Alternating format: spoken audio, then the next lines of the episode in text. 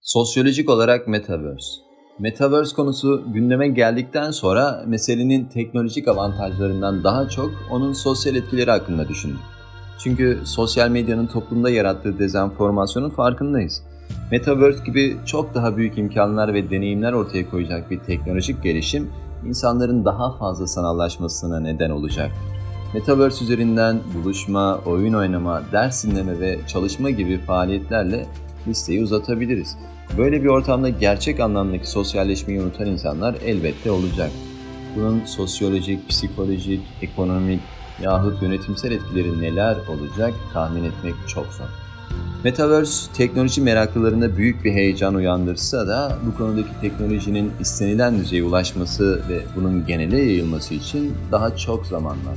Aslında böyle olması bizler için iyi bir fırsat çünkü insanlık sosyal medyaya hazırlanamadan bir anda içerisinde buldu kendini.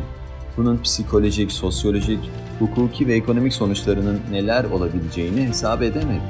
Fakat Metaverse için bunu yapma şansımız hala var. Metaverse sosyal medyaya kıyasla çok daha etkileyici bir dünya sunuyor. Bu dünyanın yararlı yönleri olacağı gibi aynı sosyal medyada olduğu gibi büyük zararları da olacak. Şirketlerse zaten maddi çıkarları için kullanıcıların daha fazla vakit geçirmesi ve daha çok para harcaması gibi konularla ilgilendikleri için buradaki görev devletlere ve sivil toplum kuruluşlarına düşüyor. Umut ediyorum ki gerekli çalışmalara şimdiden başlanır. Yoksa kontrolsüz şekilde gelecek metaverse'ler insanlık üzerinde uyuşturucu etkisi yapacak. Peki siz ne düşünüyorsunuz?